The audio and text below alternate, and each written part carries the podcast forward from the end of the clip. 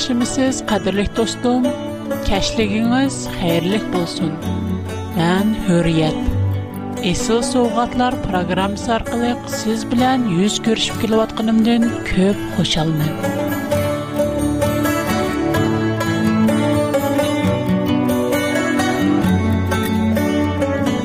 Mən bilən bir götküzgən mışı qısqığına yarım saat vaxtınızdan. Sizden mışı bir gün içi آن اهمیت نیک و آن مهم وقت ماست بلشی نه امید قلم من اون مقصدم عملیات سگه شنیس کودروش پروگرام مزندم توپ نشانه فقط لا خدا نم سوزنیت گزش خدا نم خارهترینه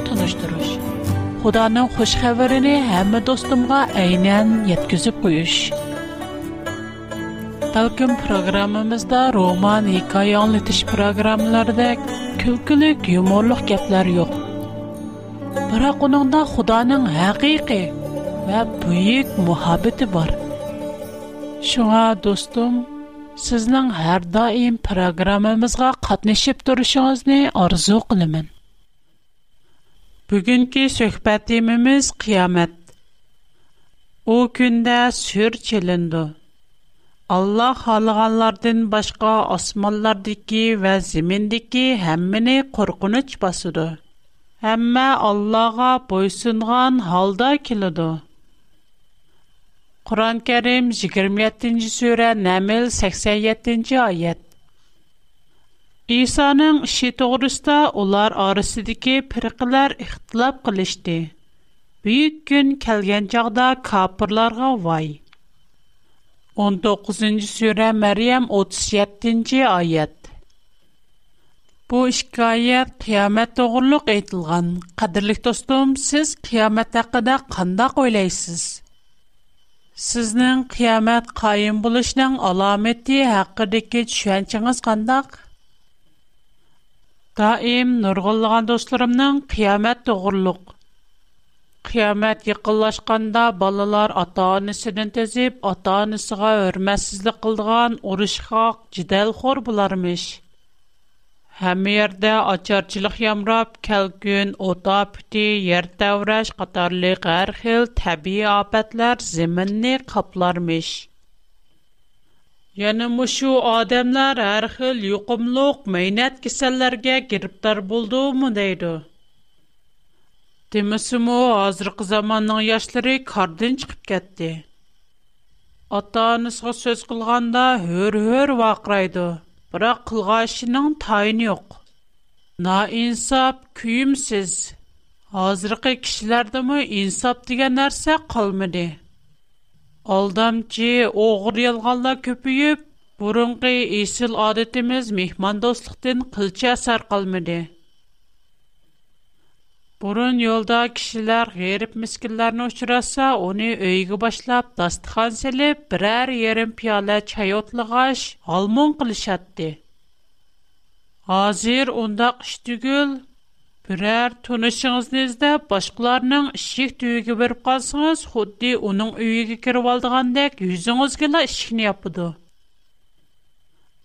Инсап қалмады, инсап, мехер шапқатмы? Йоқ.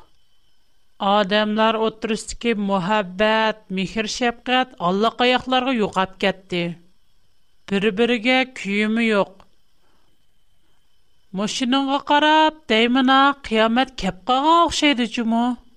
Дейишип аңлап турман. Шунда кыямат акыйкатан көз алдымыздала. Бизге найти якынлап калды.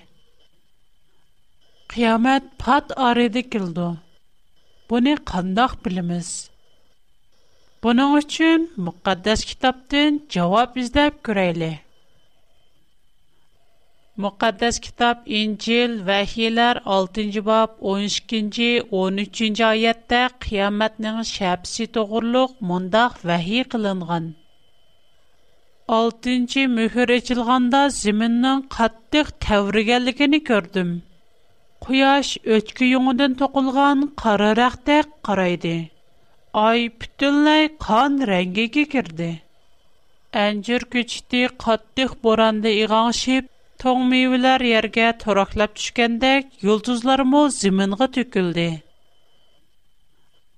Мен бу Әйса мәсхнең 12 рәсулының бере и Яхья күргән вәҳи. Шинондә қиямат җитеп килештән аламәте. Yer təvrəş, gün və ay tutuluş, yıldızlar tökülüş qatarlıq vəhiylərinin hamısı allaqaçan əməlgə aşırıldı. 1755-ci il dünyada misli görülməyən dərəcədə ən əğir, ən qatlıq yer təvrəş vəqəsi yüz verib, nurgun adam öldü, nurgun quruluş, öy imarətlər vəyran oldu. Бу қатымлық ертавраш кәртчә Лисибіндегі ертавраш деп аталған болсыму, бірақ ертаврашның тәсірі Европа, Африка ва Америка қытталарының көп жайларыға. Гронович, Гарби Индистан, Малта Арли, Норвегия, Шевисия, Ангелия, Ирландия қатарлық көплеген жайларының әмісі ернің тәвіргенлікіні сәзген. Бұқытымқы ярдаварашның көлімі төт миллион квадрат шақырымдың түвәнәмәз. Африқа ұшырған тәвірініш аса сән, Европа күшлік болған. Алжыр шәәрінің көп қысымы вейран болып, Мологиден оғиден, Ирақ болмаған сәкс мүнден бір түмәнгіше ахалысы бар езап, пүтілләй вейран болған. Испания və Afrikanın dəniz boylarında qaya sor dolqun şavqın kütürülüb, köplügən şəhərlər qarıq bolğan. Şunaqla çoğun apət elib gəlgən. Bu qətimlik apət İspaniya və Portugaliyada ən eğir bolğan. Şunan bilən bu qətimlik yer təvrəş, Lisibindəki yer Bu qatimliq yer tevreş başlanıp 6 minut içinde 6 tümen adam ölgen. İstatistik kılınışça moşu gün içinde ölgenlerin sani tahminen 9 tümenden artıq. 1755 yildagi bu qatimliq yer tevreş qiyomat qoyim bo'lishning tunji signalini chaldi. Dünyada köp qatim oxşiman darajadagi yer tevrashlar paydo bo'lib Бұлыпмо, біздің дәуіріміз келгенде дүнияда ер дәвіреш текімо әвіжеліп, дүнияның әр қайсы жайларда тоқтымастын ер дәвіреш вәқалары юз біріп тұрватуды. Бір нәтжел бұрын Түркия вә Тайванда қаттық ер дәвіреш юз біріп, нұрғылған кіші өлді. Бу жайларда ер дәвіреш текі тоқтап қалғын йоқ. Азырмы о жайларда давамлық ер дәвіреш вәқалары юз біріп тұрды. Biz yashayotgan moşu süyümlük diyardımı har yili digidek yer devreş vakası yuz berib turmoqda har yili digidek Maral Beşi Nayis'de yer devreydi. Ötken yili bu ofat texmi eğir bo'lib nurgulgan uylar o'rildi ham ba'zilar kazağı uchirdi Bu nimadan direk burdu. albatta bayı o'qib o'tgan ayettikidek Bu qiyomatning yaqinlashganligining tunji belgisi. Jannat ahli bo'lgung kelsa, dozoqdan qutulgung kelsa, Xudodan kechirim elib, mendan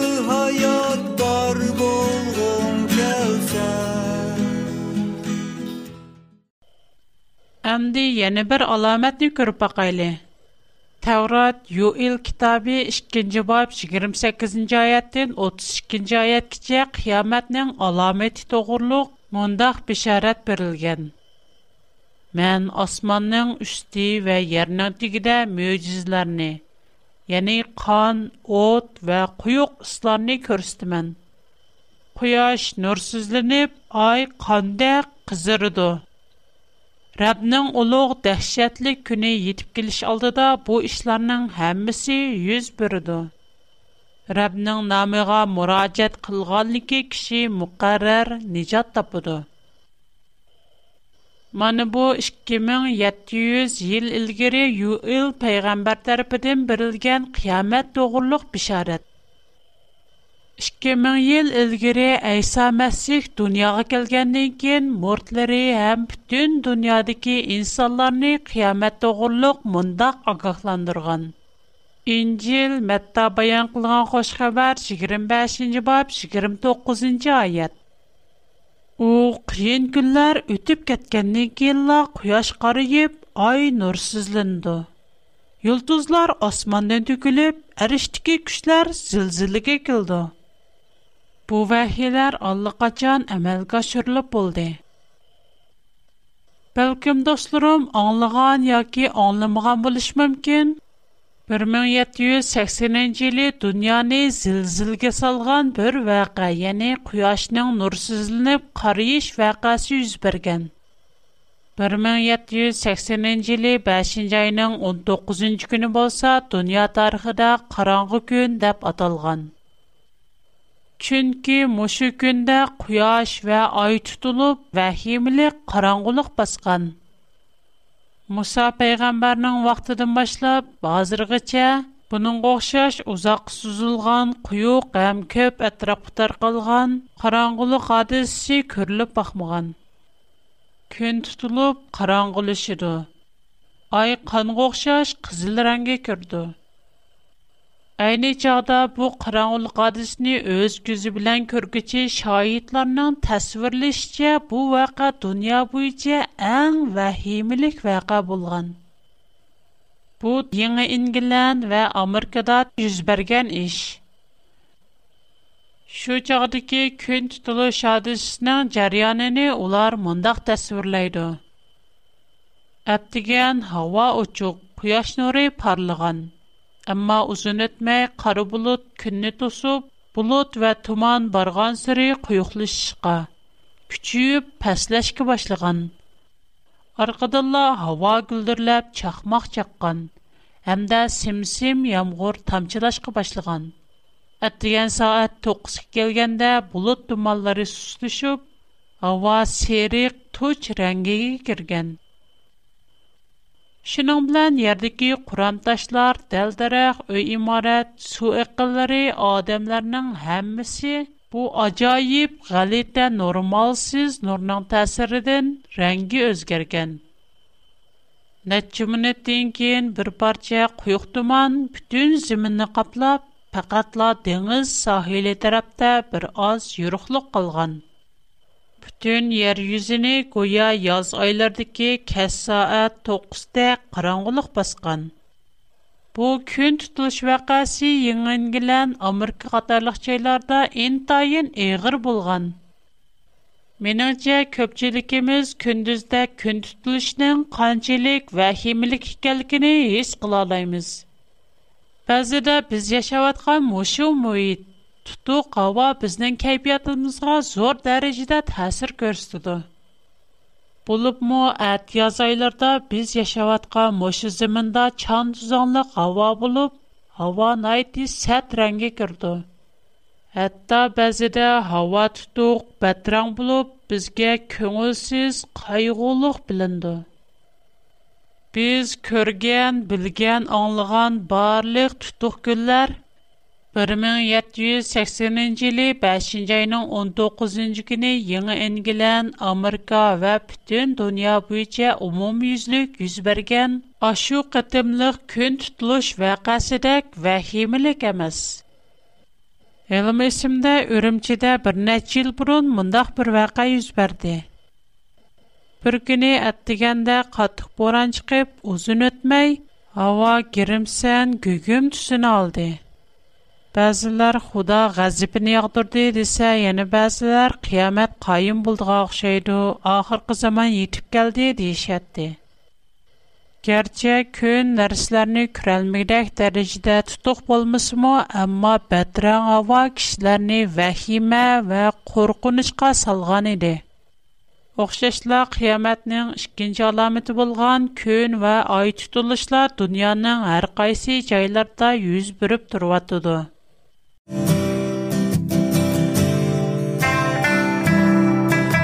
Достум, бэнда көплиген деймеде ки Яхши программлар бар Мәслен, худаның пәзілікті Иткад, курубаллык, иман, ахират қатарлык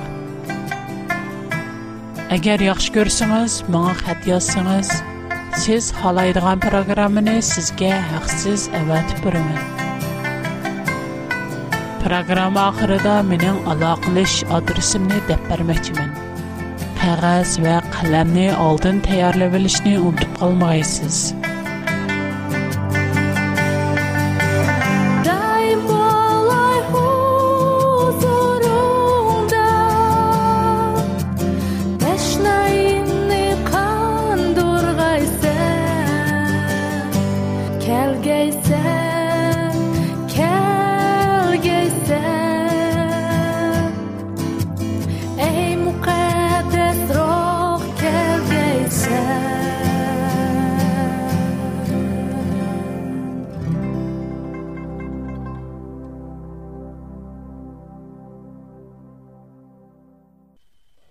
endi qiyomat yetib kelishining uchinchi shundoqla oxirgi belgisi bo'lgan yulduzlar cho'kilish vaqasiga qarab boqayli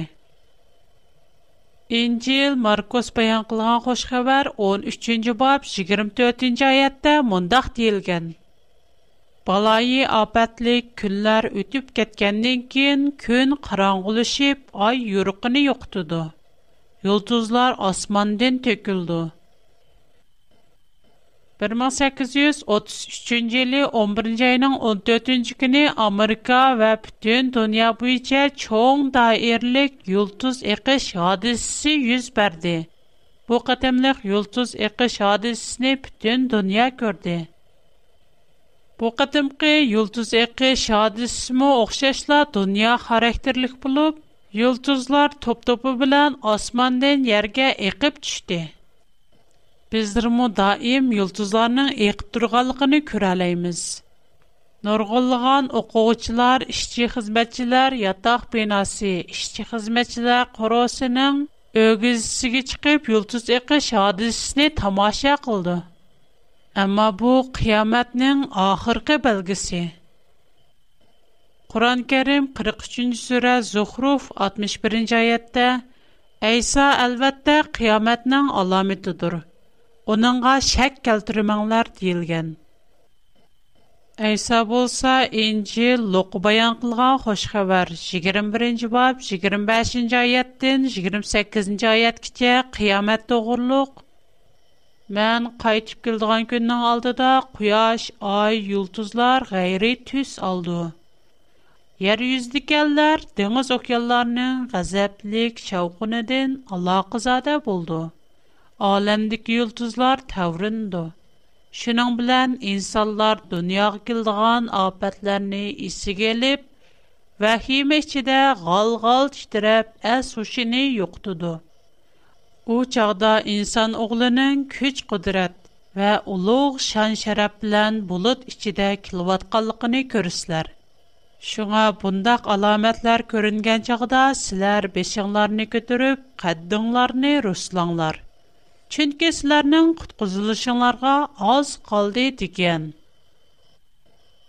mushu oyatlar bo'yicha dunyoda bo'libmi atrofimizda yuz berayotgan har xil g'alat ishlarning amaliyotda qiyomatning shapsi ekanligiga aniq hukm chiqara olamiz Bizning mushu zamonimizda kishilar o'ylab baxmagan har xil g'alati ofatlar yuz berib turyotidi. Мисал алсак, сарис ва куш йокымлык кисле. Яна дөньяның һәр кайсы җайларда һәр еле дигәдә калкын апты йөз бүреп нургылган кешеләр казак учраватыды. Нургылган үй имаратлар өрелватыды. Бунандан серт урманларга ут китиш аптымы бар? Мен мисал алган апатлар фақат табиат апатлардыр.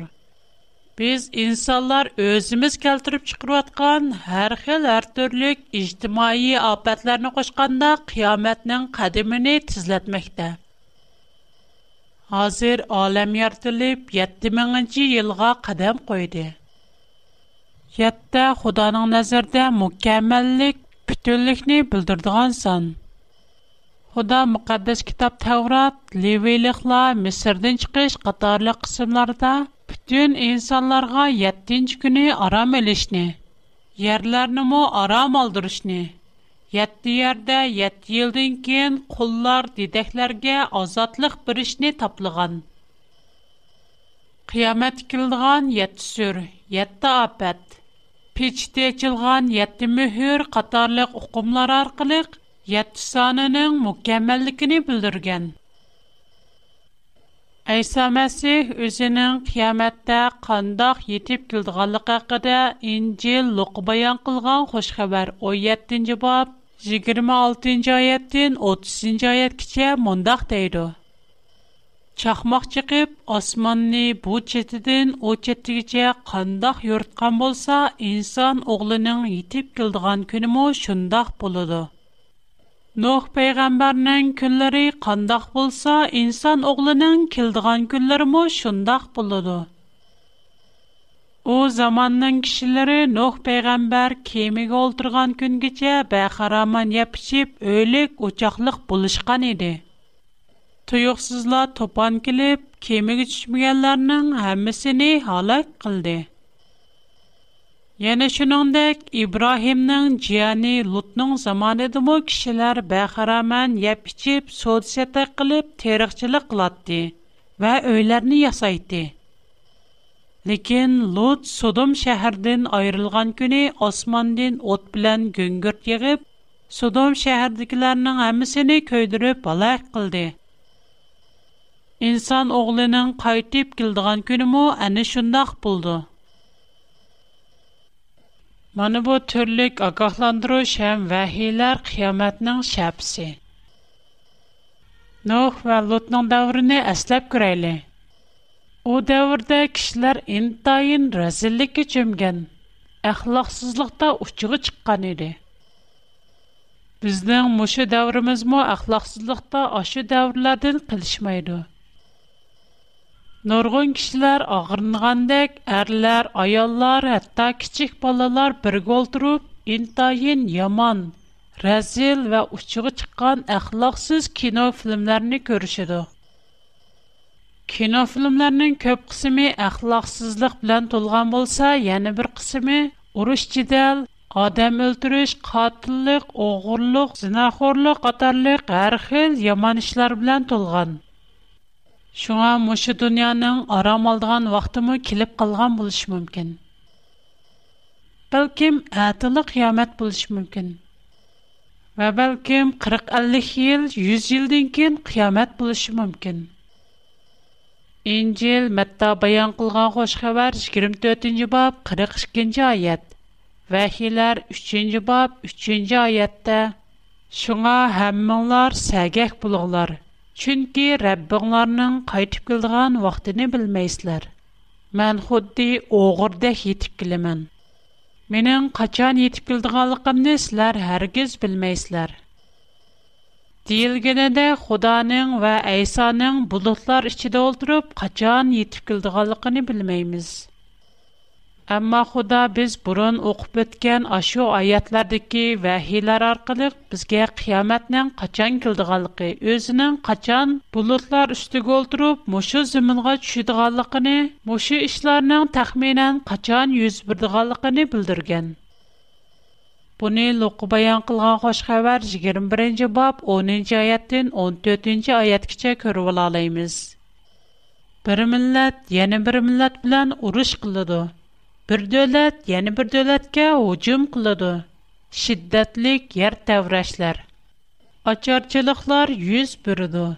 Yuqumluq kisəllər tarqılıb, osmonda qorqunçluq alomatlar ko'rindi biroq bu hodislar yuz berishdan ilgari sizlar tutqun qilinib ziyonkashlikka uchraysizlar kishilar sizlarni ibodatxonalarning so'roq qilishiga topshirdi zindonlarga tashlaydi Маңа ишенгәнлекләр өчен сезләрне падиша ва хөкемдарның алдыга элеп барыды. Мен кайтып килдегән көннең алдыда куяш, ай, йолдызлар гайри түс алды. Йолдызлар акыды. Бу чагда инсан оглының күч кудрат ва улуг шан шарап белән булыт ичидә килеп атканлыгын күрәсезләр. Бу бишаратларның һәммәсе әмәлгә ашырылды. Худаның бәндәләре Капыр Рим ва католик тарафыдан дәһшәтле кыргын кылынды. Тәхминән 1000 елдан артык вакыт. Әмма Худаның бәндәләре бу кыйынчылыкларның һәммәсенә бердәшлек берде. Шуның белән бу әм кыйынчылык мәзгил үтеп кеткәннән кин 1755 елы Qiyamet yetip gelişinin tuncu alameti bulgan kattik yer tevreş bütün dünyanı zilzilige saldı. Şundaq aytalaymiz ki, bu üç alametnin əməlgə aşırılışı bilən qiyamət xuddi oğurdək yetib gəlməkdə.